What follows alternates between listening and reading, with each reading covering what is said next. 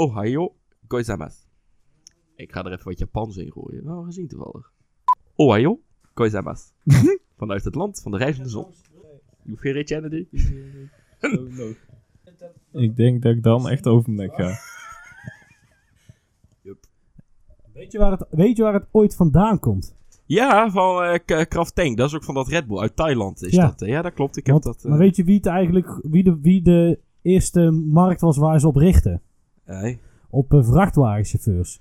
Die dan eh, Die nog lang, een, even moesten een uurtje, rijden. uurtje moesten Ja. rijden en even zo'n ding naar binnen werkten. Oh.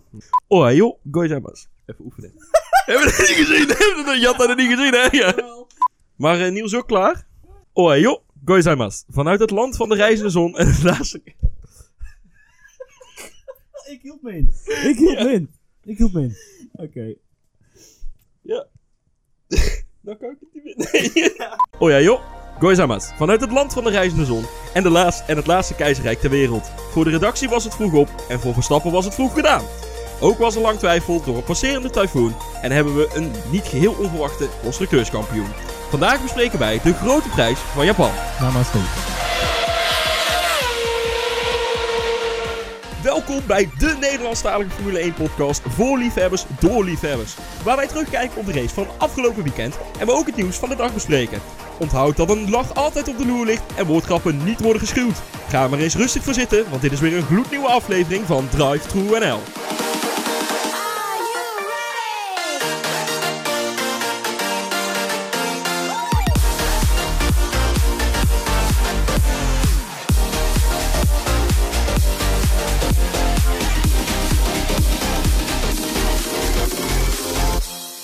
Het hele circus daalde deze week neer in Suzuka.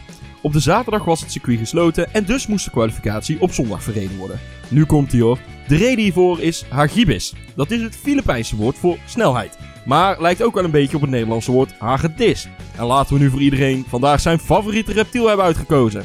Dus aan mijn linkerkant heeft soms wat moeite met opstaan en is dan zo snel als een schildpad. Tevens ons orakel, Niels Maas. Ja, Ja, ja. goed dat we dat weten ja. van jou. Ja, het, eh, Je werd langzaam uit bed. Langzaam uit bed, maar wel heel snel in bed. Oké. Ik weet niet of dat altijd zo goed is, maar goed. En aan mijn rechterkant wacht vaak geduldig af totdat hij met zijn mening gevaarlijk toe Zo was je ook niet eens bedoeld, jongens. Ik, denk, ik, Oh. ik, geef hem voor. Komt Ja. hij niet in? Nee, Ja, hij nee. komt hem wel in. Ja, goed. En aan mijn rechterkant wacht vaak geduldig af totdat hij met zijn mening gevaarlijk toe kan slaan. Tevens komt hij vaak wanneer je hem het minst verwacht en daarmee onze alligator Lucas Paulides. Smooth alligator. Dat was vroeg. Dat was heel vroeg. jongen, jongen, jongen. En onze host waar het gevaar vandaag vandaan moet komen. Als je een slappe dag hebt, laat hij niks van je heel. Daarmee onze Godzilla. Tevens zo scherp als altijd. Jelle van Dongen. Ja, ja. God, het is er weer slechter op geworden deze Toch niet week. beter. Nee, nee, nee. Alweer. Nee, Alweer niet. Again.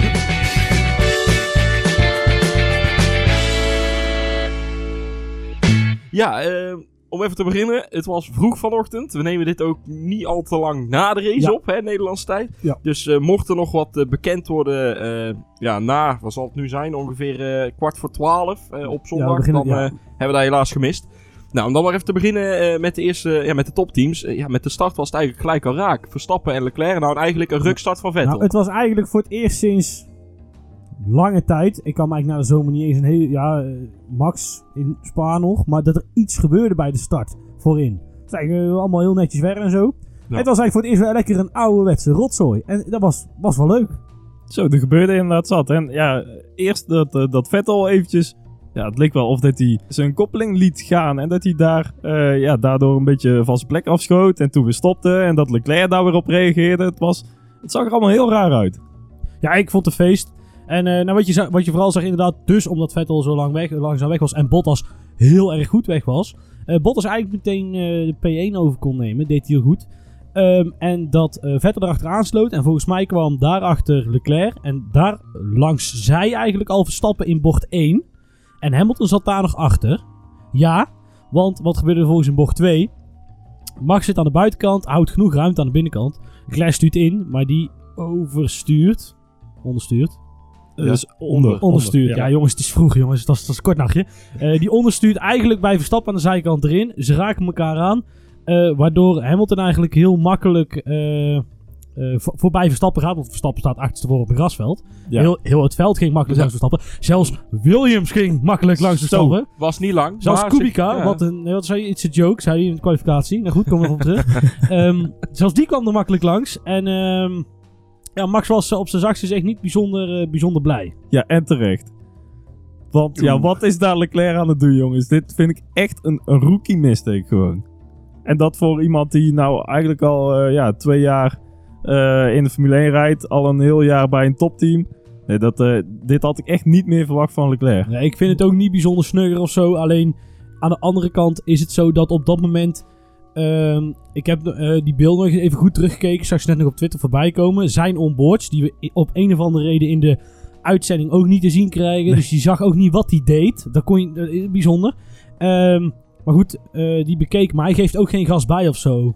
Dat hoorde ik ergens in de nabeschouwing van eh, onze favoriete. eh, ja, goed.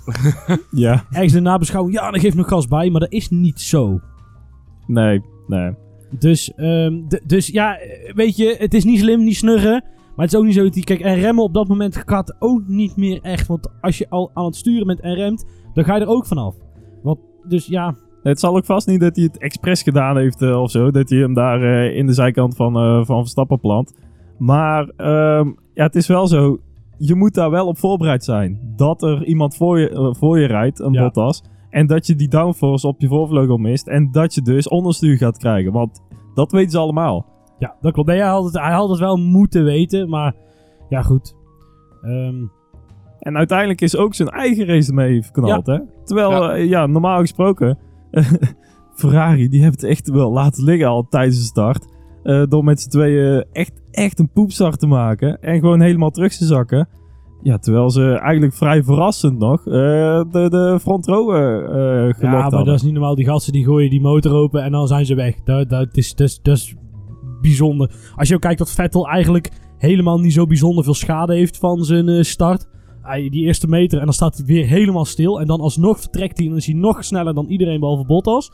Dat, ja, dat is op zichzelf ook bi- bijzonder. Nu je het eh, even hebt over de, de start van Vettel. Hij heeft, eh, het werd een under investigation, maar hij kreeg er niks voor. Ehm, het was onder andere ja, omdat hij dan geen, geen, eh, geen voordeel ervan had. Ik weet niet, heb je dat... Niels, jij appte dat, maar heb je dat ook ergens gelezen? Dat dat zo was? Dat ze dat ook echt als argument hadden gebruikt? Maar even daar verder dan. Ik breed dan nog heel veel in. Ehm Kimi, die deed natuurlijk in Singapore ongeveer hetzelfde. Ook eigenlijk start. Ja, alleen... Ja, Alleen ja, die werd daarna ook bijna door best wel veel man ingehaald. Die heeft daarna best wel een goede lange race achteraan gereden. Die kreeg daar gewoon een druiftroe voor. Ja, maar eh, wat ook zo is, is dat Max Verstappen, en wij hebben, wij hebben ik, wij- ik weet zeker, Niels en ik zijn allebei van overtuigd dat we dit ooit besproken hebben in de podcast. Mhm. We weten alleen niet meer zeker welke race het was. Ja. Dat Max Verstappen hetzelfde is overkomen als Vettel. Dat hij ook een, een, eigenlijk een semi-valse start maakt. Ja. Waardoor hij dus... ehm, eh, is dat niet Oostenrijk geweest? Nee, dat was ook niet Oostenrijk. Dat was wel Oostenrijk, Was het wel omdat hij daar helemaal terugzakte inderdaad. Eh, na de zevende plek tijdens de start. En ja, daarom zeiden ze van ja, hij is nou toch al gestraft omdat hij zo ver terug Nou, is dat, gezakt. Precies dat. Nee, maar precies dat. Dus daar had hij ook nadeel aan die start. Overigens, het, eh, het officiële document van de FIA over eh, de, ja, de, de Elite false start. Dus de, de, ja, Ja. De, de eventuele valse start van Vettel. Dan eh, kennen ze ook toe dat er inderdaad een beweging is geweest bij Vettel. Maar dat deze beweging eh, binnen de acceptabele tolerantie van een eh, Formule 1 start is geweest. En dat hij daarom eh, geen, straf, eh, ja, geen straf heeft gekregen, volgens artikel weet ik veel. Ja. Oké. Nou, het is wel vrij bijzonder, want ehm, dan moeten ze... Het, het zou VIA goed doen als ze dit nog eens even heel goed duidelijk in die regels zetten. Want anders dan kun je altijd... Ja, ze refereren bijzonder. dus wel weer naar een artikel in het eh, reglementenboek. Eh, maar ja, het is wel bijzonder dat je een eventuele valse start kunt maken. Maar die valt dan weer net ergens tussen. En dan Ja. mag het dan weer wel. Kijk, de en dan- tolerantie lijkt mij gewoon niet bewegen. Dat is uiteindelijk het... ja. eh, d- tenminste, dat zou moeten zijn. En eh, kijk, ik heb op zich vrede mee dat je zegt van... Nou, je verpest hem zo. eh, ga maar. Hè, weet je, Vettel had, als hij goed was gegaan... waarschijnlijk makkelijk op één gelegen. En nou moest hij toch nog achter Bottas... zat hij toch nog achter Bottas. Dus dan heb ik er vrede mee dat ze zeggen van... joh, Eh, ga lekker, net als Verstappen in Oostenrijk. Maar ik vind bij Kimmy dan weer anders, omdat die gaat echt van zijn plek af. Dus daarmee heb- hebben ook andere mensen achter hem echt last van het feit dat hij niet op zijn eigen plek staat en daarmee dus in de weg rijdt. Dan vind ik het mm, ja, toch wel normaler dat ze daar een straf eh, voor uitdelen. Oké. Ehm, goed, dan... eh, de straf voor Leclerc dan? Ja, de straf ik? inderdaad van Ja. Leclerc. Eh, hij heeft uiteindelijk twee straffen gehad. Eh, de eerste is dus voor de actie met Verstappen. Dat heeft hem 5 seconden tijdstraf, op, tijdstraf opgeleverd. Het andere strafje wat hij kreeg, dat was 10 seconden tijdstraf. Die is voor ja, het eigenlijk te lang Ja. doorrijden met kapotte voorvleugel. Ik- Daar even op doorpakkend. Ehm, die brak op een gegeven moment af, Ja, inclusief dus- zijn eigen spiegel. En daardoor raakte hij ook de spiegel van Hamilton. Die ging er ook af. Ik vroeg me dus gelijk af, mag dat eigenlijk wel? Ja. Rijden met één spiegel? Blijkbaar wel. Ja, Ja, Ja, Ja. ik wist dat helemaal niet. waarschijnlijk als ze dan maar van tevoren twee spiegels hebben. En hij is door de crashtest en de veiligheidstest eh, gekomen. eh, ja, dat ze dan niet kunnen zeggen van ja, als er eentje onverhoopt afbreekt door zo'n incident, dat je dan naar binnen zou moeten of zo. Dat vind ik ook wel wa- wat overdreven, Ja, moet ik maar zeggen. het, het is een stuk veiligheid dat jij kunt zien wie eraan komt. Ja, Want ah, nou, nou is het zo dat Hamilton... Even kijken, bij Leclerc was het tussen linkerbocht. Elke keer als hij dus R130 inkwam... ja. ehm, kon hij niet zien of wie er aan zijn binnenkant zat. Ja, de, de- ja, nou goed, mij lijkt dat wel een safety... Dat dat een safety issue zou kunnen zijn. Maar goed, eh, blijkbaar telde dat niet. En nog heel even terugkomend op die straf. Ik denk dat het eh, eh, wel een goede samenvatting is als ik zeg dat ik de straf onterecht vind. En Niels wel. Toch? Van Ja. de, van de, van de, dan e- echt van de, de crash met Verstappen dan, hè? Ja, ja zeker, zeker. En heeft hij ook trouwens ook nog twee seconden, of eh, twee seconden, twee punten op zijn eh, licentie eh, gekregen. En dat vind ik dan wel weer vrij bijzonder. Ja, ik om daar twee punten extra nog voor te geven. Ik vind Maar sowieso, ik blijf erbij. Ik vind, weet je wat het is? We, we, roepen het hele jaar al dat we, dat we, we- minder straffen. Dat was het allemaal. Minder straffen, dat is al jaren het idee, want het werd allemaal veel te veel gestraft. En eh, dan helemaal in de openingsronde zouden we allemaal net even wat, eh, wat losser zijn. Er gebeurt genoeg achterin en nou gebeurt het voorin. En dan komt heel de media, zet er weer druk op. Ja, en, of, en iedereen die, die Formule 1 de toedraagt. En dan krijgen we ineens weer zo'n straf. Ja goed, eh, voor mij had het niet gehoeven, want net als met die valse start van Vettel, zijn eigen race is ook naar de kleren. Dus ja, ik zie daarin niet echt een... wat ik overigens veel kwalijker vind, en, eh, is dat hij nog doorrijdt met spullen op zijn, met losse onderdelen. Want volgens mij zijn we allemaal het ongeluk van Massa en van Hongarije in 2009 alweer vergeten. Dat hij een eh, springveer eh, dwars door zijn helm heen, heen schoot. Dat, ja, dat, sorry, maar dat, dat, dit kan niet. Er lag ook zoveel carbon op de baan overal. Je zag het in de, in de, in de, in de hairpin. Je zag het in de, in de god, hoe heette die dingen? De Degner-bochten. die twee rechtse voor het, eh, voor het tunneltje.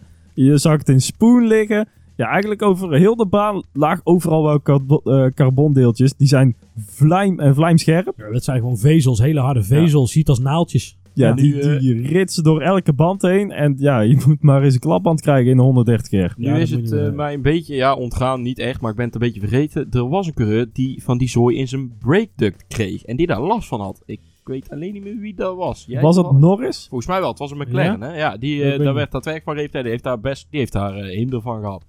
Eh, nou, eventjes eh, dan nog... Nou, ik wil er nog daarop ja, terugkomen ja. dat ik dus niet wist dat een team daar ook voor verantwoordelijk is voor een kapotte voorvleugel. Als in dat het team hem naar binnen had moeten halen.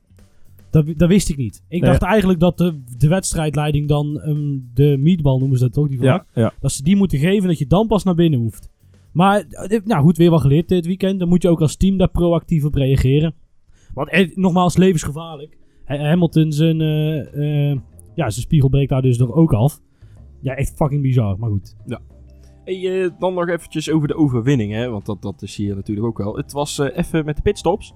Het was een twee-stopper voor Vettel, een twee-stopper voor Bottas. Hamilton zou een één-stopper worden. Nee, uiteindelijk Nou. niet. Het werd een twee-stopper. Eh, ja, Eh, als V- Vettel ging in de aanval door als eerste naar binnen te gaan. Ja. En eh, ook meteen te comprimeren tot een twee-stopper. Eh, met de softband. Ik denk dat ze daarmee ook een safety car... Ze wisten met zeker dat ze naar een twee-stopper wilden. En dan pakken ze die waarschijnlijk... Als je dan een safety car hebt, kun je altijd naar binnen. In plaats van dat je een safety car hebt en denkt... Oeh, als ik nou terug moet naar een soft, rij ik hem niet uit. Ik denk dat dat de, de gedachte was geweest. Ehm, Bottas reageert daarop, of Mercedes met Bottas reageert erop door hem meteen mee naar binnen te sturen. En ehm, Hamilton laten ze eigenlijk nog vijf rondjes, zes rondjes langer doorrijden en die halen ze daarna pas naar binnen. En ik denk dat ze op dat moment echt wisten, zeker wisten, dat eh, Hamilton een eenstopper zou doen. Alleen, dan zou het betekenen dat Hamilton zou winnen. En ik denk dat ze bij Mercedes deze eh, overwinning aan Bottas gegeven hebben. Dat weet ik bijna zeker. Daar geloof ik helemaal niks van. Oeh. Want inderdaad, Hamilton die zei het ook tijdens de race ook nog. Ik denk, gast, trouwens, even tussendoor. Je moet een race rijden. Niet, eh, er zitten 80 man alleen maar op eh, computerschermpjes te kijken om voor jou de strategie te bepalen. En jij gaat er even in je autootje zeggen wat ze moeten gaan doen. Ik denk, eh, focus je gewoon even op het rijden. Maar dat tezijde. Ehm ja, maar dat deed onze Charles ook. Die was ook alleen maar aan het mouwen. Zo. Zoals we dan zeggen Ja. het zuiden des lands. Maar inderdaad, ehm, ze hadden bij Mercedes wel gelijk dat de harde band, die werkte gewoon niet, blijkbaar. Bijzonder overigens. Maar Heel raar inderdaad. En de medium band, ja, die kon dan eigenlijk net niet de, de, de gehele afstand eh, over, overbruggen. Dus ja, ik snap wel dat ze Dat voor klopt deze... ook niet helemaal. Want heel veel eh, jongens hebben namelijk wel de race eh, uitgereden met die, met die soft-medium verhouding. Net zoals Hamilton hem gedaan heeft. Ik ga het nou opzoeken.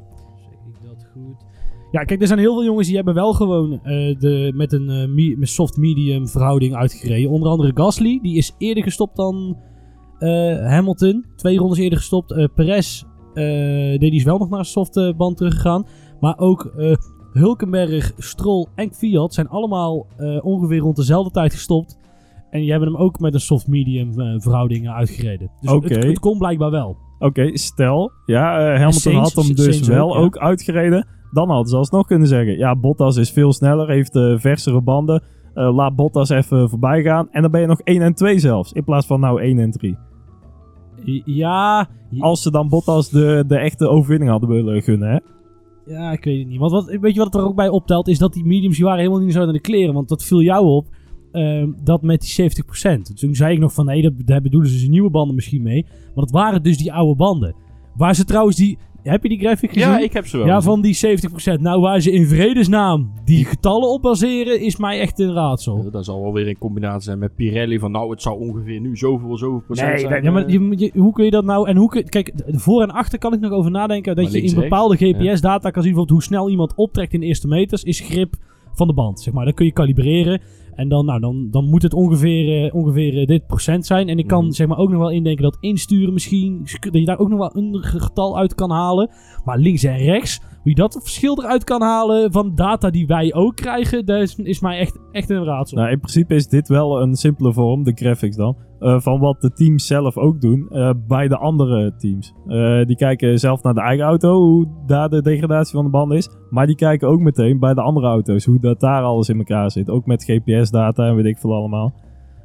Dus het is wel mogelijk, zeker voor de Ja. teams ook, maar Ja, maar ik vraag me echt af hoe ze dat doen. Kijk, want die aanvalgraphic, die is niet zo moeilijk. Iedereen met een heel klein Ja. beetje wiskunde, die weet, oké, dat is het verschil in tijd. Dan eh, ertussen en dan in, per de rondetijd, daar het advantage mee, daar delen ze hem door. Dus als, jij drie als ik drie seconden achter jou aanrijd, eh, en ik ga elk rondje drie tienden harder, dan duurt het tien rondjes en dan ben ik er. Ja. En dan als ik eh, drie tienden sneller ben, dan is het eh, moeilijker overnemen dan als ik acht tienden sneller ben. Zo werkt dat, die andere graphic. Maar hoe ze deze voor elkaar getoverd hebben, dat zou ik echt graag willen weten. Mocht je trouwens weten, dan laat het ons weten. Nee, serieus, laat het ons weten. Als je denkt van, nou, zo werkt het. Ik ben heel benieuwd. en DriveThruNL, Facebook, Twitter en Instagram kun je ons bereiken. Maar waar waren we ook alweer? Nou ja, ik eh, heb dus nog... eh, Bij de overwinning. Ja, nou ja, bij de overwinning. Maar ik wilde eigenlijk door naar de laatste coureur van de top 3 die we nog niet behandeld hebben. Eh, dat is eh, Albon. Eh, die had nog wel even een, een, een, ja, een toucheetje met, met Norris. Zo, die kwam Nou, er lekker wel eventjes... veld, hoor. ja, inderdaad. ja, maar wat een verschil. Een verademing zelfs ten opzichte van Gasly. Zo, zeg dat wel. Nou, en overigens, eh, Albon echt goed, hè. Want die heeft hier nog nooit gereden. Dus die komt Ja. hier aan in een Red Bull. eh, is net zo snel als Max in de kwalificatie. En er zal Max vast wel 300 verschillende smoesjes voor hebben. Maar uiteindelijk was hij net zo snel Ja. als Max Verstappen. Dat zijn de feiten.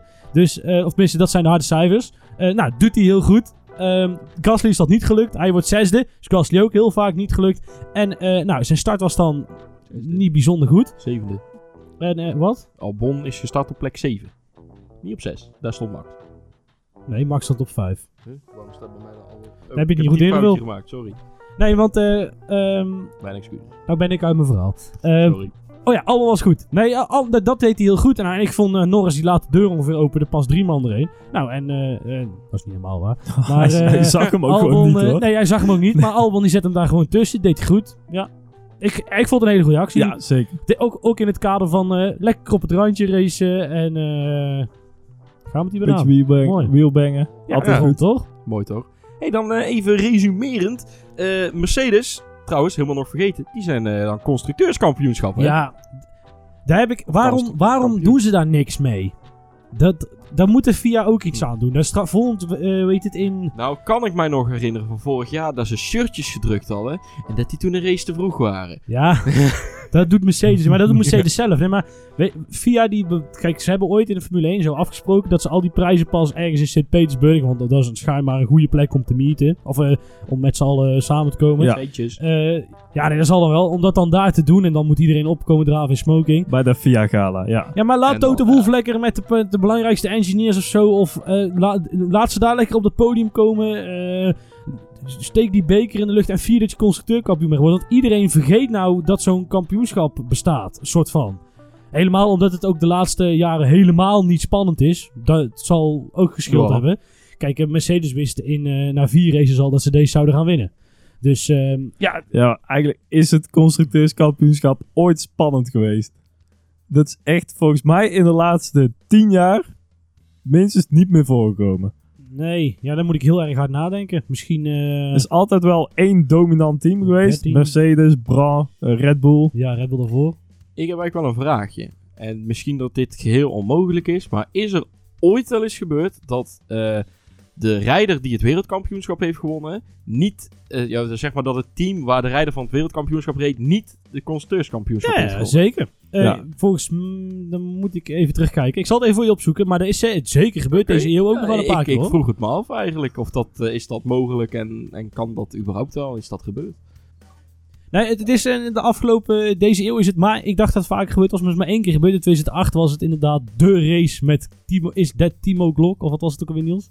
Ja, eh, ja Brazilië. Ja, Brazilië, de laatste race van het jaar waarin eh, Lewis Hamilton net één puntje, met één punt verschil, eh, massa voor weet te blijven. Prachtige race. Ehm, maar daarin won Ferrari wel het constructeurskampioenschap, maar McLaren met Lewis Hamilton dus eh, de driverskampioenschap. Oké, dank je. Ehm, en in 1999 gebeurde het daarvoor voor het laatst. Niet zo interessant, want toen ja. had Ferrari een... eh ehm, zit me nou niet af te leiden. Toen had Ferrari een ontzettend dominante auto. Eigenlijk al jaren en de jaren daarna ook. Alleen Schumacher heeft in Silverstone een ongeluk gehad. waarmee hij zijn, ehm, zijn been brak. En ja, aangezien ze bij Ferrari met alleen maar tweede rijders werken naast Schumacher. eh, helemaal in die tijd. eh, ja, hij had eh, volgens mij reed... Irvine er, inderdaad, Irvine reed er sowieso dat jaar langs.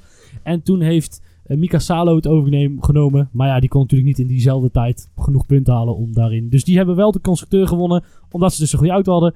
Maar toen heeft ehm eh Haikkonen uit mijn hoofd Ja, is Ja, wereldkampioen bij, eh, geworden in Benetton. 99. Ja. Nee, wel toch? Ik zag hem net staan namelijk.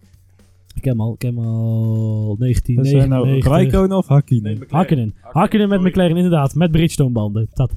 Dus die, eh, werden, eh, die werden kampioen Oké. van 1999. Dus ja, inderdaad, het kan. En het gebeurt Ja. niet bijzonder vaak, maar ja, je ziet het. Duidelijk. Hey, even dan eh, wel, nu wel resumerend. Eh, dan qua standen. Hamilton die begon op plek 4. eindigde op het, lang, het laatste, het onderste treedje van het podium. Bottas begon op 3 en eindigde op het hoogste treedje van het podium. Eh, Ferrari, Vettel, eh, die zakte één plekje, ging van 1 naar 2. Leclerc, ja, die eh, ge- eindigde Ging van 2 naar achteraan, dan Naar ging twee, naar achteraan, uiteindelijk naar 6. Ging eigenlijk van 2 en kwam als zesde over de streep. Maar met tijdstraf komt hij op P7 uit uiteindelijk. Oh ja, Ja, bij, eh, en dan bij Red Bull. eh, Verstappen die ging van 5 naar de muur en zijn garage. heeft 15, hij ja. niet gezien. ja. En eh, Albon die ging van 7 naar 4. Dan door naar het, eh, het vierde team binnen het constructe- constructeurskampioenschap. Dat is nog steeds McLaren. Ehm, ja, we hebben het eh, over Norris hebben we het eigenlijk al gehad. En dan over Sainz. Die ging eh, bij de start nog heel even in, in gevecht met, eh met Hamilton. Ja, echt jammer dat hij hem daar net niet de deur dicht kan gooien. Eigenlijk voor de tweede race brei. Inderdaad, voor de tweede Echt keer. jammer, hè? Ja, inderdaad. Ja, hij, hij zat er echt best wel goed voor. En dan was deze wel iets moeilijker dan, eh, ja, dan de vorige ja, race. ja. Eh, maar hij zat er wel eventjes voor. eh, ja, ook door het, de hele schermutselingen de, eh, met, eh, met Max en met Leclerc. Eh, maar ja, lekker dat die uh, McLaren's echt wel goed uh, in ieder geval op het begin mee konden. Maar daarna was het ook helemaal gedaan met de pace. Want ja, ze verloren 18e tot een seconde per rondje. En dat, dat, was wel echt heel erg veel. Ja, en, maar, ja, en, heel, heel lang hielden ze Albon nog, nog hield alleen hij achter zich. Oh ja, uiteraard Albon. Ja, sorry. Ja, alleen hij hield, hield heel lang Albon nog achter zich. maar ja, goed, die was op een gegeven moment ook, ook gevlogen. Tot op een gegeven moment toen Vettel inderdaad met die penalty toen heb ik nog gek gegeven geroepen Saints op het podium. maar uh, het mocht helaas niet zijn. Saints is trouwens wel uh, Gasly voorbij in de uh, rijderskampioenschap. dus Saints is nou de zesde in het WK. Hey, voordat we eindigen met McLaren, jij had nog iets te vertellen over, over de motor daar bij het team. Nou, nee, het zit zo. Kijk, um, Mercedes heeft voor 2021 drie teams al op de payroll staan om die motoren te leveren. Ze doen hem namelijk bij Forzinia, of uh, Racing Point. Tenminste, iedereen gaat vanuit dat dat contract nog steeds loopt. Uh, nou, Williams is drie, vier weken geleden bevestigd. En McLaren voor Rusland al, of in Rusland. Ja. Um, en nou zijn er dus mensen die zeggen dat de regel bestaat dat... Um, dat er een maximum is aan Dat je maximaal drie teams een motor mag leveren. En toen dacht ik, maar hoe zat dat dan in 2016? Daar heb ik over na zitten denken, maar ik weet dat niet meer. Want toen was het zo dat uh, had Red Bull had heel veel grote ruzie met Renault. En ik weet nog dat, McLaren, of dat Mercedes geen zin had om uh, Red Bull uh, een motor te leveren. Want die snapte natuurlijk wel dat als zij Red Bull een motor zouden geven met Adrian Newey erachter, dat die wel eens een bedreiging zouden kunnen vormen. Dus die hebben toen heel snel uh, Manor als team erbij genomen. Omdat ook McLaren was weggevallen, want die zijn naar Honda gegaan. Dat jaar ervoor al. Maar die hebben gewoon Manor erbij gekomen. Waardoor ze op vier teams kwamen, dus niet meer mochten leveren. Dus voor zover ik weet, is dat de regel. Dus, en mensen, er zijn dus mensen die denken van... Oké, dus ze hebben dus drie motoren dan voor 2021 al vast liggen. Stoppen ze zelf dan? Aangezien ook het fabrieksteam, de fabriek zelf heeft gezegd van wij stoppen met de ontwikkeling van nieuwe brandstofmotoren. Aangezien hè, we allemaal steeds meer elektrisch gaan rijden. Wat toch wel de verwachting is, hè, de, de mhm. trend. Dus um, ja, ik denk, dat leg, leg, ik op tafel. Volgens mij is die regel zo dat er wel vier motoren mogen zijn. Maar goed. De... Ik heb echt nog nooit van die uh, regel gehoord. Of, of dat er ook iets over gesuggereerd zou worden of zo. Dus uh, nee, ik, ik zou het niet weten. Oké.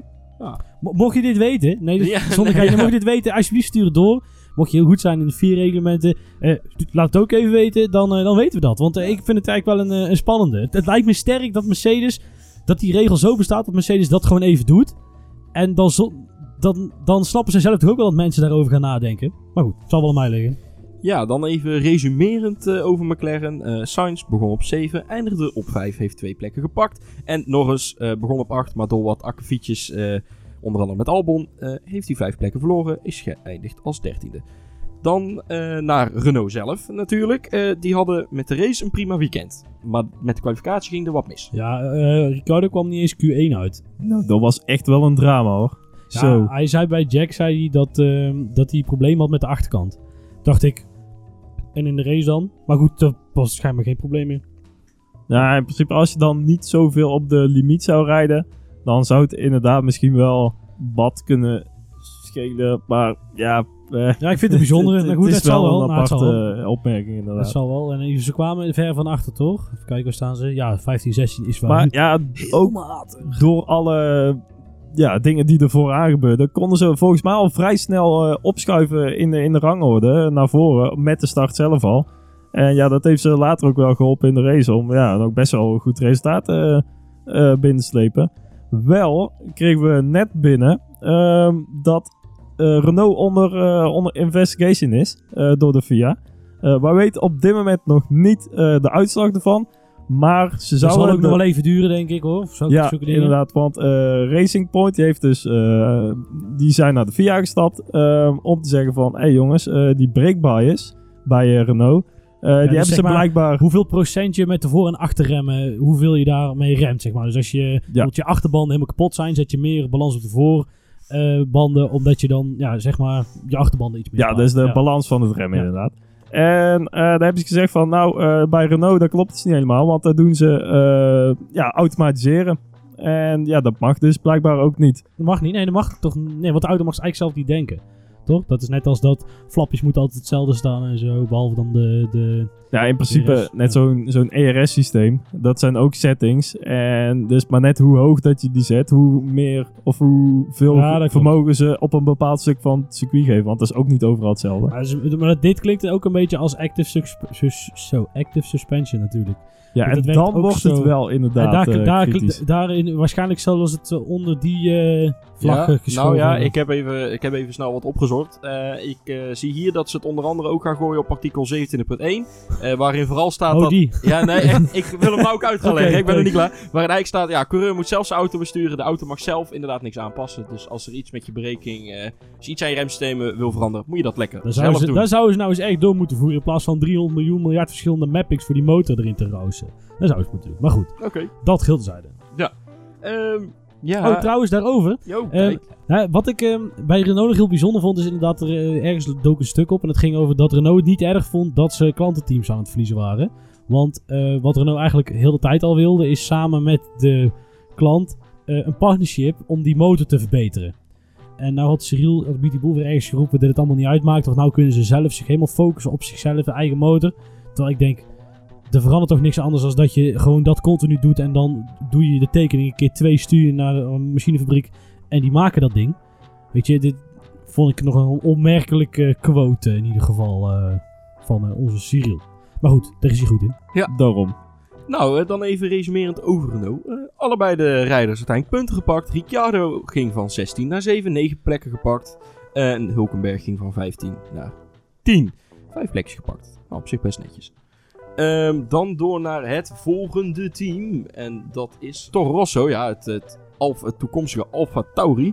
Ehm, ja, is daar nog eigenlijk iets gebeurd met Fiat? En, want Gasly hebben het net al een heel klein beetje over gehad dat dat niet echt eh, nou, spannend was. Nou, die zaten er eigenlijk allebei best wel goed bij tijdens de race. Het was alleen jammer dat eh, Fiat op het einde een beetje terugviel door eh, ja, degradatie volgens mij vooral van de, van de banden.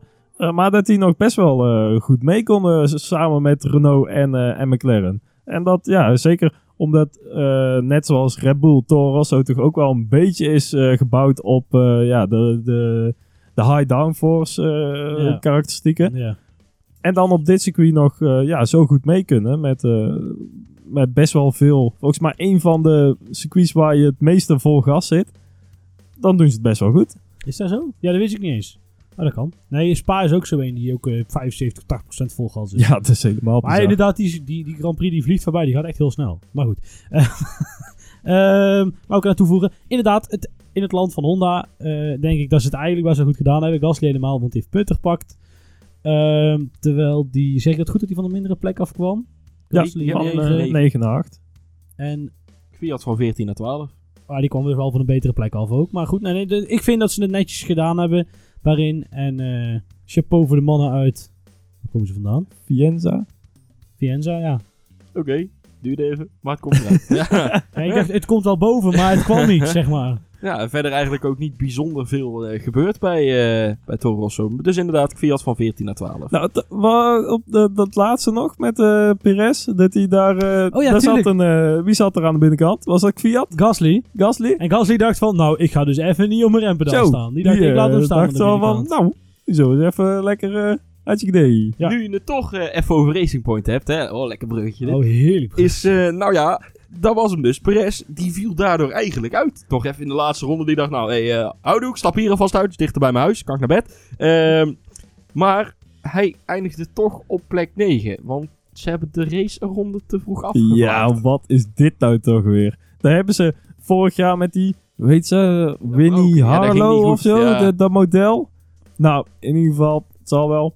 Eh, die, die stond daar dus met de vlag te zwaaien. Hebben ze helemaal aangepast reglement van, nou, eh, de, de, de handmatige vlag, zeg maar, de, de gezwaaide vlag. Die voor tv? Die is niet meer Oh. leidend. Het is eh, echt de beeldschermen die, die bepalen wanneer de race geëindigd is. En dan gaat het daar ook weer mis. Wa- wat is hier aan de hand, jongens? Nou Zo ja, moeilijk zou- kan het toch niet zijn? Je zou ook kunnen stellen dat het feit dat je op vrijdagochtend besluit om zaterdag niet te rijden, daarmee het halve circuit afbreekt. Op zondagochtend het hele circuit moet op, eh, opbouwen. En als dit het enige is wat misgaat, dat het eigenlijk nog wel meevalt. nog wel meevalt. Het zou als op het einde is eh, net die eh één of twee punten in 2005, verschil had moeten zijn. 2005 had je problemen gehad, omdat Kimi Räikkönen hem niet gewonnen. Nee, dat klopt. Nee, precies. Nee, maar goed, dit gaat om, om miljoenen, hè? Eh, ja, maar je moet het toch ook wel weer in perspectief zien, vind ik. En dan vind ik inderdaad het feit dat je dus eh, alles moet afbouwen en of af en op moet bouwen, eh, dan, ja, dan is dat heel vervelend. Dan, Ja, ik neem aan dat dit ook softwarematige fouten zijn dan. Want Ja, het lijkt me niet. dat nou iemand op een knop gaat duwen om te zeggen... alsnog handmatig op een knop gaat duwen om, om elektronisch dan die borden aan te zetten. ik heb oprecht geen idee. Nou, ik wel. Hey, hey, oh, ik, oh. ja. ik heb ook dit even snel opgezocht, terwijl jullie gezellig met elkaar in gesprek waren. Het is een geautomatiseerd systeem, dat op dat lichtpanel boven start finish komt die vlag te staan. Eh, ja, daar ging dus geheel onverwacht, ging die in één keer, hup, daar is de finishvlag. Eh, waarschijnlijk is het een softwarefoutje, ze zijn het aan het onderzoeken, wordt later meer over bekend. Dat vind ik toch nog knap dat ze 52 rondjes hebben voorgehouden. En niet eh, rondje 15 of zo in één keer. Plink, ja, Midden tijdens de kak, ja. pitstop eh, cyclus. Hoppakee, bam. Signs op drie. Wat zou ze dan doen, ja? Ja, heb je dan... Nee, dan is, nee, maar dan is hij afgevlagd. Is dat ook want klaar? als er een finishvlag Oh. getoond is, dan is dat het punt waarop de race is afgevlagd. Daar, daar, daar zou ooit nog wel eens voor spektakel kunnen zorgen, als, mocht dat ooit gebeuren. Maar goed, ook dit komt nog, de uitslag hiervoor, hoe het precies jee. kwam. Blijf Hey, luisteren. dus. Ja. Volgende, eh, over twee weken meer, hè? Ja. hey, eh, dan over die andere van eh, Racing Point, over Strollybody.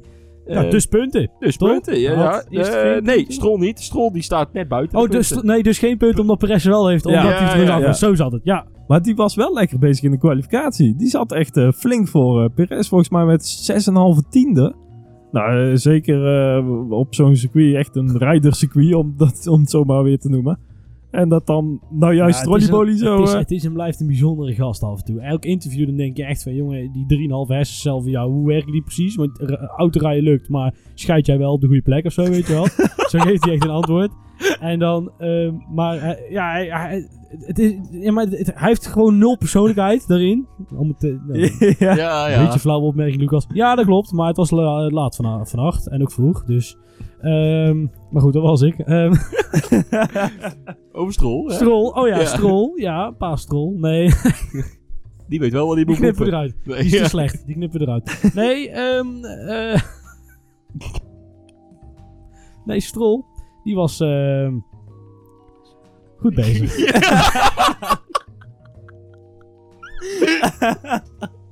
Oh jongen, jongen, ik ben, ik ben het helemaal kwijt. Goed. Resumerend over die twee teams.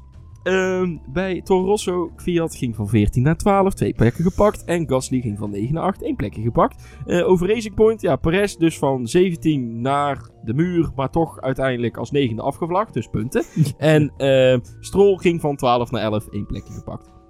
Hey, dan eh, de laatste drie teams, eh, beginnen bij Alfa. Ja, het was weer niet heel denderend weer, hè? Het was weer helemaal niks bij Alfa. Nee. Het, het enige, wa- zo, daar Raikkonen, toen hij eh, even ingehaald werd door eh, Leclerc in de 130R. Ja, ja. Die dacht ook van, nou, ik zal ook maar gewoon insturen. Ja, maar, Ja, mij dan, nou mag, ik dat ook? Ja. Nou, die heeft, nog wel, nee, die, heeft, die, heeft, die heeft als enige echt scheid aan Ferrari. Die is daar weggebonjourd. want ze hadden de Wonderboy, die stond daar klaar.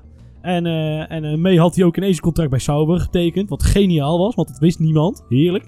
Eh, bij Ferrari. Dus eh, die, ik denk ook niet dat hij echt heel erg makkelijk aan de kant gaat voor eh, een Ferrari. Ehm, trouwens, Giovinazzi nog steeds niet bevestigd voor volgend jaar. Ehm, Max maakte een grapje tegen Hulkenberg over pizza bakken. Ik eh, noem maar iets geks. Ja, klopt. Nee, wij zeggen GP Today, hè. De, eh, Moet jij zeggen, man. Met je linkjes. Nee, nee. Nee, maar, nee, maar ik wil maar zeggen, Hulkenberg misschien nog steeds. Ja, ik- ja, als- het kan nog steeds, hè. Ik hoop het. Zoals Guy, hè? Eh, eh, hij kent Vertje. Nee, maar ja, het, het weekend was weer, eh, weer ruk. Want eh eh Raikkonen ging dan van 13 naar 14, plekje gedaald. En eh Giovinazzi van 11 naar 16, vijf plekken gezakt. Dan eh, het ene laatste team, Haas. Het scheelt nog 7 punten trouwens tussen Haas en Alfa. Ze komen in de buurt. Ehm, ja, want bij Haas ja, staan er eigenlijk ook allebei die 1 in de punten. Dus ze komen ook niet echt harder dichterbij. Nou, maar Haas, daar hoef je dit jaar echt helemaal niks meer van te verwachten, denk ik. Nee. Nou ja, Wel, we hebben nu, we hadden dit jaar natuurlijk al boterhamzakjesgate. Nou hebben we nu bij Magnus hadden we stoeltjesgate, want zijn stoel zat los. Ja, Max had dat eh, in Engeland toen hij inderdaad een tik had gekregen van Vettel. Zat Ja. zijn stoel ook los. En ik, er heeft nog iemand Ja, last van gehad. Ik weet niet Magnus heeft nou toch geen tikje gehad? Nee, Nee, niks, ja, dus- maar er is een constructiefoutje. Dat kan een keer, eh, kan een keer eh, gebeuren. Oké, jij had... Er zijn de meeste mensen die zo last van een stoeltje. Albon had volgens mij ook last van zijn stoeltje op vrijdag. Die had nog een tijdelijk achtig stoeltje. En die is naar een carbon stoeltje gegaan of zo. En die zat niet goed, dus zoiets. Ja, ik weet wel wie er meer last heeft van zijn stoeltje. Kubica, want die heeft er volgend jaar geen meer. Maar die, als je iets niet hebt, kun je er ook geen last van nee, hebben. dat is waar. Vooruit. Hey, eh, ik zie hier ook nog iets staan bij Grosjean. Dat mag iemand Zoals- even uitleggen. Oh, wat? Bij Grosjean. Ik had het niet neergezet. Dat mag iemand even Oh, nee, dat vond ik echt heel leuk om te lezen. Namelijk, alleen het jammer was, ik had dat dus op in- social media ontdekt. En vervolgens ging heel de Formule 1-wereld erop los. Hij had er zo'n eh, een... eh, Maar Klein- Lucas was de eerste, hè? Ja. Ik was misschien nummer drie dan. Maar goed, ik had het gevonden. Ik denk, oh leuk, leuk, leuk triviaatje voor iedereen. interessant. Ehm, hij had een klein schaalmodelletje van de Tyrrell gekocht, die met zes wielen. En die had hij dan in elkaar zitten zetten op zijn zaterdag. In plaats van dat hij met de Young Boys ging zitten. gamen. hey, eh, maar eh, ehm, bij eh Aas dan, ja, allebei buiten de punten. Eh, Magnussen van 19 naar 17, twee plekken gepakt. Ja. En Grosjean van 10 naar 15, vijf plekken gezakt. Dan eh, de laatste, hè, met nog steeds stevast één punt, eh, Williams. Ja, eh Kubica die had echt zo'n raar ongeluk in die, eh, Ja. in die ehm, kwalificatie. Dat was eigenlijk de, de- gelukkig, want anders had ik heel Q1 gemist. Maar goed, ik was gelukkig daardoor wel op tijd voor het gedeelte wat er wel toe deed. En ehm, ja, hij- heel bijzonder, want hij komt daar die bocht uit en hij stuurt hem veel te wijd in of zo. Of hij, eh, hij, hij komt met twee wielen aan de linkerkant op het gras, gaat vervolgens de muur in. Als hij zegt, ja, I'm okay, what a joke. Ja, bijzonder. Nou, hij heeft in ieder geval, eh, ja, inderdaad later ook nog na de kwalificatie gezegd dat er eh, meerdere factoren zijn die bij hebben gedragen aan het ongeluk. Allemaal lekker wil het zeggen, lekker duidelijk ook, ja. En er werd ook al geroepen en op social media werd al gezegd, of gesuggereerd in ieder geval, dat de eh, powersteering ook uit was gevallen. Maar ja, hij is er zelf ook niet helemaal content meer mee. Nee, nou kijk, aangezien Jelle nogal graag in Gates denkt, wat dat betreft is het net een vlieg, vliegveld, Hey. ehm, hebben we hier wel spare parts gate. Want er was, vorige week is hij dus dan uitgevallen, of twee weken terug uitgevallen met, eh, om eh, parts te Oh ja, ja, sparen ja. dan. Nou, die parts die hij gespaard had, had hij in Q1 inmiddels weer verbruikt. En, ehm, Ze wisten het gewoon al. Het is voorbedacht te raden. ja, wie weet. Oh. Nee, maar zouden ze dus hem minder nieuwe onderdelen gaan geven? Ja, die dus wel. wel. eerder kapot gaan, omdat hij volgend jaar toch weg Ja, is. tuurlijk. En, eh, ja, natuurlijk, dat is toch logisch ook. Kijk, Russell is de man die het nog twee jaar hierna moet doen voor Williams. Dus die, die- ik zie het wel. Ik snap wel dat ze hem niet alle nieuwe onderdelen geven. Maar er loopt ook iets met sponsorcontracten. Dat is alles wat ik er ook van weet hoor, of van gehoord heb. Ook niet precies wat die sponsorcontracten dan zeggen. Ja, vooral dat eh, die sponsor vorige, eh, vorige race had gezegd van jongens, eh daar eerder naar binnen halen, dat gaan we niet meer doen. Want ja, hij komt zoveel in beeld en die, die screentime die willen wij natuurlijk wel hebben. Oh zo, nou dat dan. Nou in ieder geval, bijzonder. de- ik denk dat er ook nog wel een... daar zou nog wel eens een, een, iets uit de hoge hoed kunnen getoverd worden daar bij Williams. Dat ze zeggen van nou, eh, weet je wel, we doen we kappen ermee. Of dat hij zelf zegt van hier heb ik geen zin meer Nou in. komt Latifi erin. En eh, ja, zoiets. Of ze, ze toveren iemand anders nog ergens van zijn, eh, zijn bank af. Ja. Misschien dat Nico Rosberg nog tijd heeft. Nee, nee, nee, die heeft Die druk met filmpjes maken. Oh jee, Ja. onze, onze Enzo Knol van de Formule 1 wereld. Hey, maar goed. Eh, hebben we nog iets over Russell trouwens? Niet echt veel, hè? ik zou het echt niet Nee, weten. daarom. Ik heb hem echt bijna niet gezien. Nou, Hij zat in de kwalificatie heel dicht achter Ja. Perez. Maar dat lag vooral aan Perez volgens mij. vaak ligt het dan niet aan de Williams. Nee, ja. maar voor, nee, voor de rest echt gewoon niet gezien. Ja, ik dacht heel even, gaat hij Q2 halen? Nee, nee, nee, nee, nee. nee. Nee. Nee. nee. Hey, maar goed, eh Kubica ja, begonnen dan op 20. eh, heeft dan eindelijk een keer iets anders dan... Ja, eh, vanuit de pitlane zelfs. Ja, vanuit Ja. de pitlane eh, heeft dan eindelijk een keer iets eh, staan wat niet met de 2 begint. Die eh, eindigde namelijk Ja, als maar 19e. Moet je dus nagaan dat Perez is uitgevallen en daar zijn ze nog niet voor geëindigd. Nee, dat klopt. Dat was echt heel schandalig. ja, dat is echt waar. Ook niet, met, met- als ze dus Met- wel de ja. normale plek hadden afgevlakt, waren ze Perez gewoon nog niet voorbij. Ja, dat kan niet. Eh, dat, Goed. dat zuiden. dus eh Kubica dan op 19 één plek toch nog eh, gepakt. Ja, Omdat- uitval omdat van Verstappen ja, ja. van Verstappen. En eh Russell begon op 18. Eindigt Ja. op 18. Ja. En dat was dan de race. Gaan we door naar de, naar de Fantasy League. Eh, omdat we vorige week geen Fantasy League hadden, Ja. doen we deze keer die van vorige week. En, ja. Dus even de top 10 er snel bij gepakt. Ja, op eh, plek 10 staat El Grande Pequeño. Op plek 9 Neo 25. Op plek 8 Red Car Racing. Ja, daar kom je onze schijnbaar al tegen. Op plek 7 staat Druiftroe NL Niels. Op plek Oeh. 6 Druiftroe NL Lucas. Op plek 5 Druiftroe NL Jelle. Ja, ik ben Zo. gezakt, dat is eng. Jelle. Op eh, plek 3 Vossen Racing. Eh, sorry, ja, op plek 3 Vossen Racing. Want Turbo Thijs staat namelijk gedeeld derde met Vossen Racing.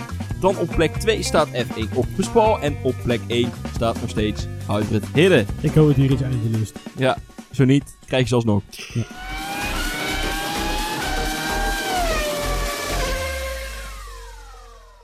Dan is het nu tijd voor eh, ons eh, journalistieke stukje binnen deze podcast. Eh, de nieuwsredactie.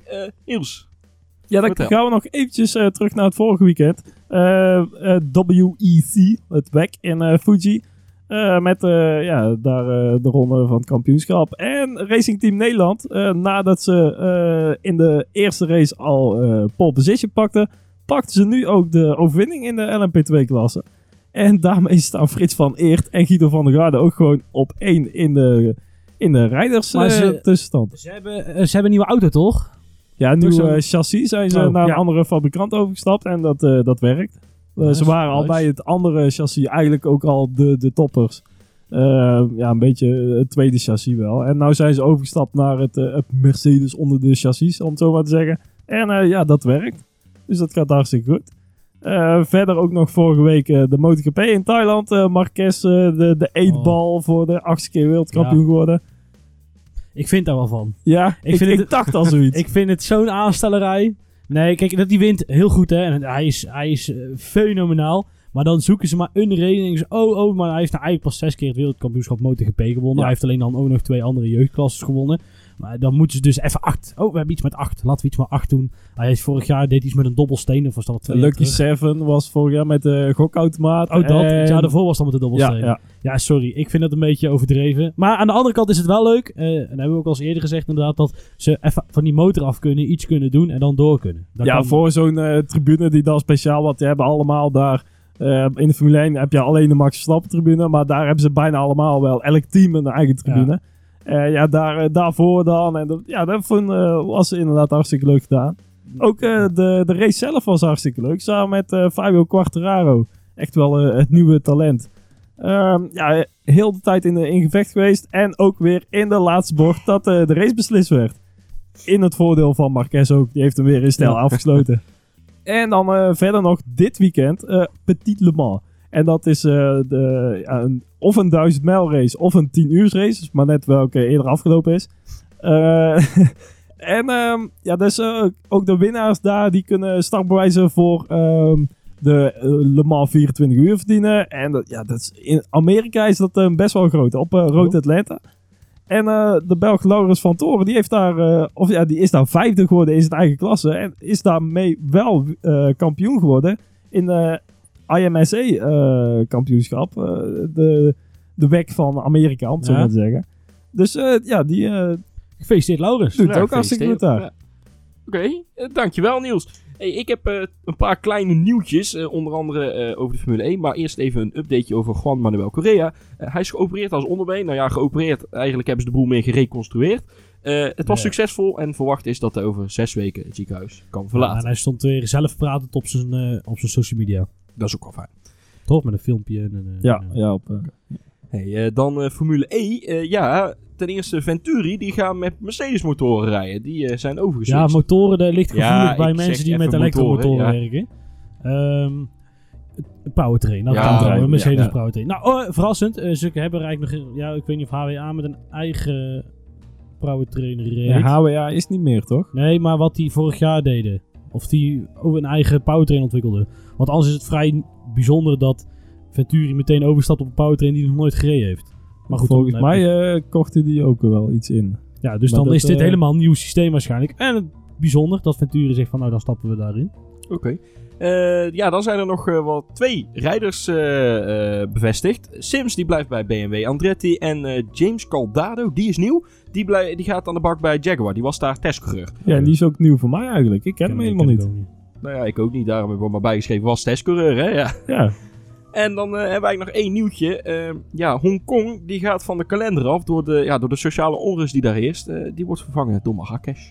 ja, toch altijd ook wel een traditionele opener. eh, de dubbelherder ook meestal. Twee races, dan eentje op zaterdag en eentje op zondag. En Marrakesh ook een uh, straatcircuit ook, waar ja, Tom Coronel met zijn... Is dat waar hij die brandweerauto heeft geknald?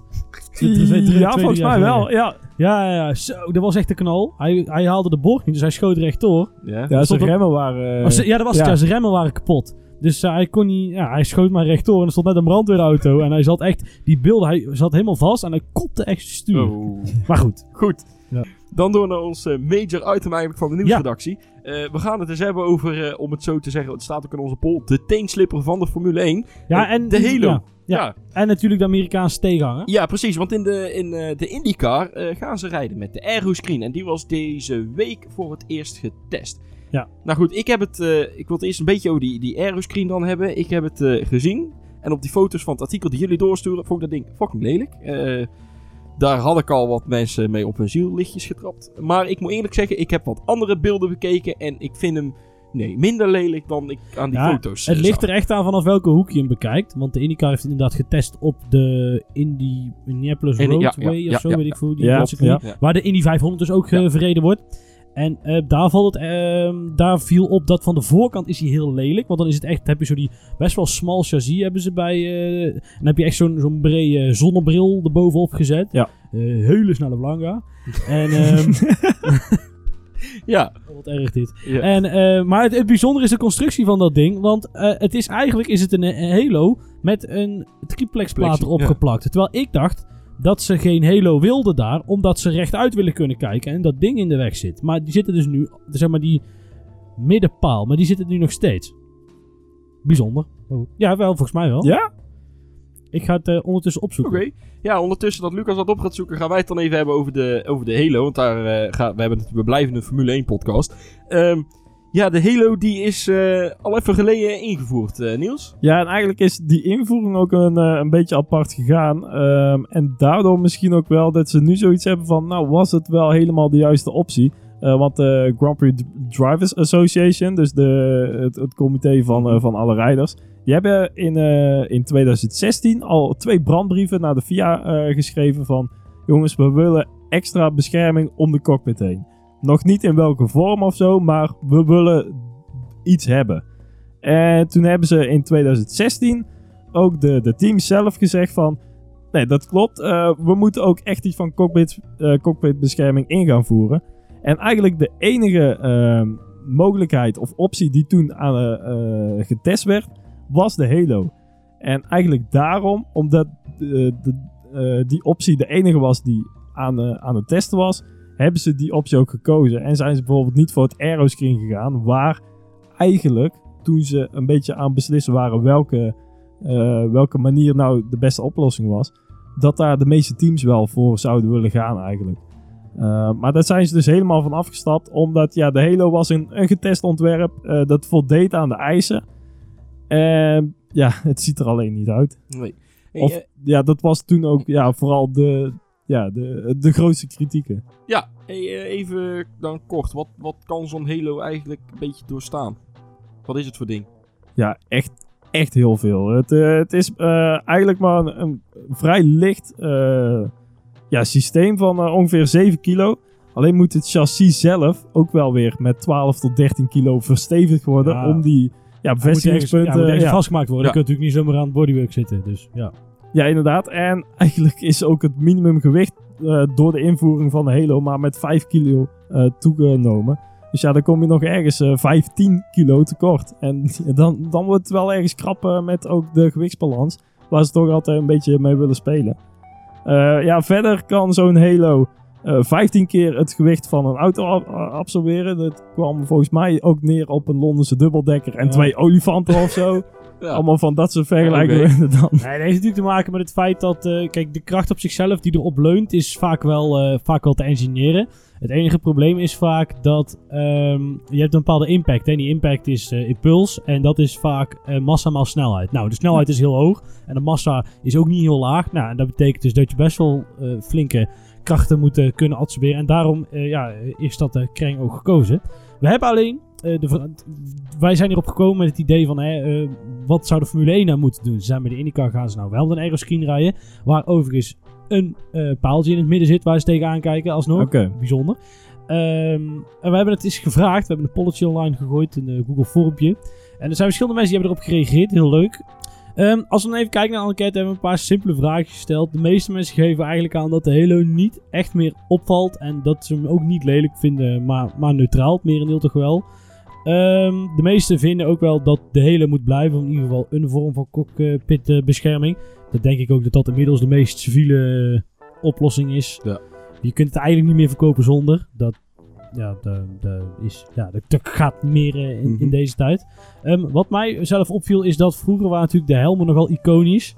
Eh, maar die zie je nu eigenlijk niet meer. En de vraag is, eh, vinden mensen dat jammer? En die is ongeveer 50-50. Er geven mensen aan dat ze het ook wel jammer vinden dat ze hem niet zien. Ehm, en daaruit kwam ook een idee naar voren. Dat was een goed idee, dat was namelijk mijn idee. Ehm, nee, zonder dolle. Ehm, probeer eens iets met die Halo te doen. Maak die wat persoonlijker, maar neem die dan wel op in het design van de auto. Daar zou ik bij Red Bull trouwens voorzichtig mee zijn. Want voor je het weet moet je weer iemand omwisselen, moet je je livery anders. maar probeer, probeer daar iets Ja. leuks mee te doen of zo. Geef Max Verstappen iets met iets meer oranje tinten. Of, en geef dan eh, Albon iets met een eh Thaise vlag, weet ik veel. Ehm, zoiets. D- doe daar iets leuks mee of zo. Zet daar een persoonlijke sponsor op. Of dat je, dat je daar dus daar, eh, daar iets eh, mee eh, zou kunnen doen. Ja, Verder Oké. waren er nog vragen van, stel je zou mogen kiezen tussen de Halo, de aeroscreen, of we gaan met, met een gesloten cockpit werken, dan overheerst het bekende, de meeste mensen kiezen vrijwel voor, voor de Halo. Hey, een vraagje daarover. We rijden natuurlijk nu met de Halo bij F1 en dan straks Ja. bij de IndyCar met Aeroscreen. Zou de F1 ooit nog naar een Aeroscreen gaan? Of zijn ze, nee, nee, nee, we hebben nu Nou. die Halo, laat het daar maar lekker bij zitten. Ik denk, maar daar kijk ik ook Niels aan, dat als we hier nog weer een evolutie in zien, dat dat een gesloten cockpit wordt. Maar dan praat ik misschien wel over 10 jaar of zo. Ja, dat denk ik ook inderdaad. En ze hebben ook bij de VIA gezegd van... Een, eh, een aeroscreen is maar 10% zo efficiënt als een Halo in het absorberen van krachten en het voorkomen van ja, ernstige letsels voor de kleur. Eh, dus ja, ook qua veiligheidsaspect zullen ze die stap niet zo snel gaan maken, zolang er geen ja, heel eh, verregaande ontwikkelingen zijn in, eh, in het aeroscreen.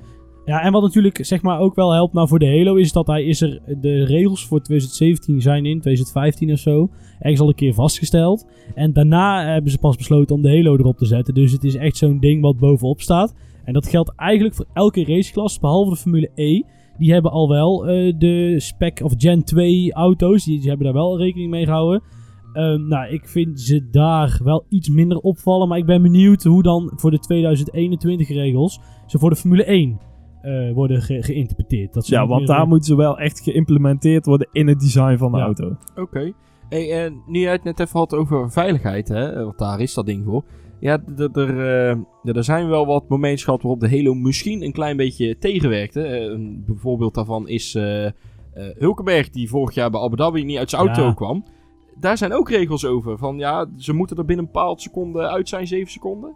Ja, inderdaad. En er is later wel gezegd dat ehm, ook doordat de Halo er zit, er iets meer ruimte zelfs komt eh, ja, in, die driehoek, in die veiligheidsdriehoek om de helm heen. Ehm, dat het nou juist makkelijker zou moeten worden voor rijders om ook daar uit te stappen. En ook in het geval van brand. eh er was ook een, eh, een issue nog met de invoering van Halo. Dat eh, rijders er minder makkelijk uit een auto zouden kunnen stappen. En ook dat is blijkbaar weer achterhaald. En ja, eh, kost het waarschijnlijk echt maar een fractie van een seconde meer om uit te stappen in dit geval. En ja, zeker omdat zo'n pak wa- was dan een van de redenen die ze aandra- aandroegen vanuit VIA. Zo'n pak die kan dan iets van 90 seconden moet die brandwerend zijn voordat er pas iets eh, gaat Ja. gebeuren. Ja. Die tijd is dan verwaarloosbaar eh, ten opzichte van het grote geheel. Ja, en kijk, laten we wezen dat we nu... We hebben, hij heeft dus nou zeg maar anderhalf, bijna twee jaar ingevoerd. En hij heeft zijn, in principe zijn dienst al bewezen. Want de Wonderboy van Ferrari, die had niet meer... Die heeft echt van ja. geluk kunnen spreken dat die Halo daar zat. Want die had anders het voorwiel van eh, hoe heet het, eh, Fernando Alonso gekopt. gekopt. Ja. Ja, en dan is het maar hopen dat zijn hoofd genoeg tegen de zijkant aan zat en die helm niet zei van krak. Want anders hadden we, eh, ja, heel lullig. Want Had dan Rijkonen hadden daar we- nog gereden? Ja, denk nee, ik. nou ja, goed, maar dan had hij dat, dat, Nee. dat, was, dat was heel, ja, heel daar Dat wil je was, eigenlijk eh, niet over nadenken wat er had kunnen gebeuren daar. Dan hadden we een opvolger gehad van Jules Bianchi, daarover gesproken. Jij had daar een feitje over eh, gevonden. Ja, ze hebben bij de FIA wel gezegd dat eh, het, eh, het ongeluk van Jules Bianchi, met welke eh, bescherming dan ook, welke optie dan ook, dat had eh, niet voorkomen kunnen worden. Met, met welke, ook niet met de Halo dus. Oké. En ja, dat, eh, dat vond ik toch wel ja, opvallend eigenlijk. Eh, ja, zulke freak accidents, ja, in hoeverre moet je alles willen uitsluiten? Ja, nou, dat is heel een hele goede vraag, Niels. Want die hebben we namelijk ook gevraagd. Ehm, als we mensen de balans moeten aangeven tussen veiligheid en eh, uiterlijk, dan ligt toch wel het merendeel ehm, ligt, richting, richting veiligheid. Ja. Lijkt me een heel logische uitkomst eigenlijk. Hey, eh, ik heb net al wel een beetje aangegeven dat ik de aeroscreen, nou in eerste instantie leed ik misschien een beetje mee, maar wat vinden jullie daar zelf eigenlijk van dan? eh, Sorry, van de? Van de aeroscreen, even terug naar de IndyCar. Ehm, ik, de- het- ik denk dat hetzelfde geldt als voor de Halo. Dat als je hem, hoe zij hem nou opbouwen in de IndyCar. Dat je hem, als die dan ook als zij een nieuwe eh, eh, auto nemen. Dat ze hem ook daar meer integreren. Dan denk ik dat het mooier is. Maar goed, eh, wat is nou nog de stap naar een gesloten cockpit? Ja, in principe vrij weinig. Het dekseltje aan de bovenkant. Ja, Ja. dat klinkt heel leuk, Ja, maar deze daar is het dan. Ja. Ja. is dat dan niet... Ja, ik, ik ben er voorstander... Ja, voorstander is ook weer een groot woord, maar... ehm, ik, ik denk dat dat... Ja, weet, weet je wat is? Je ziet de rijden toch al niet meer. Dus waarom nou, dan- dat vind ik nog wel meevallen, eigenlijk. Ik denk dat je nog wel eh, redelijk goed aan een helm kunt zien. Zeker op de Niels- van boven. Ja, nee, dan wel. Maar als je op Monza zit, hoe haal jij dan Max en eh, Albon uit elkaar? Nee, dan ga je naar de T-cams kijken Ja, nou, ik naar de rug, naar de nummers. Ik ook nummers, ja. Dan is het dat, dan weet ik toevallig, dan, nou, aan het eind van het weekend heb je alle, iedereen zijn nummer heb je weer in je hoofd zitten. Want je weet dat Grosjean 8 is en Magnus 20. Dan weet je, dat- zo heb ik het in ieder geval op Silverstone Oké. eh, herkend. Dus weet je, de, de- en dat vind ik zonde, want die, eh, ja, zoals ik net zei, die helmen zijn, eh, zijn eh, iconisch. Ja, we hebben nog wat, we hebben ook de vraag gesteld van, joh, hè, stel jij bent de FIA of de Formule 1 of wat dan ook en je hebt het echt voor te zeggen, wat zou je dan veranderen? Dan dat, vond er één grapje als het leuk om er een Braziliaans vlaggetje op te zetten, want dan heb je een echte teenslippen. Verder zeiden ze inderdaad, ehm, maak de Halo livery gelijk aan de helm. Nou goed, dat is een beetje het idee dat ik net ook al zei, Ja. hè, van probeer daar iets persoonlijks te doen. Hier is iemand ook nog voorstander van de aeroscreen. Ehm geef de wereldkampioen een speciale kleur Halo. Zeg maar, de, dus als je de nummer 1 mag rijden. ehm, eh, geef hem een goud, eh, gouden Halo of zo. Nee. Eh, iemand zei niet van toepassing. Nee, flauw. Nee. Ehm, en er zijn mensen die het eh, zouden willen graag proberen. Er zijn mensen die graag zouden willen proberen Ja. om de middelste ehm, kolom weg te halen. Ja. Nou, dat gaat niet gebeuren, denk Nee. ik. Want die is daar ook ten eerste voor constructie, maar ook voor impact van voren. Zo simpel eh, werkt het nou eenmaal. Oké. Ja, wij danken iedereen eh, voor zijn input natuurlijk. Hè. We gaan dit in het vervolg eh, misschien nog wel eens. Ja, gaat volgen, kijken hoe het bij de IndyCar gaat volgend jaar. En kijken of daar ook nog een discussie gaat ontstaan. Ja, en dan was dit bij deze de nieuwsredactie. Ja.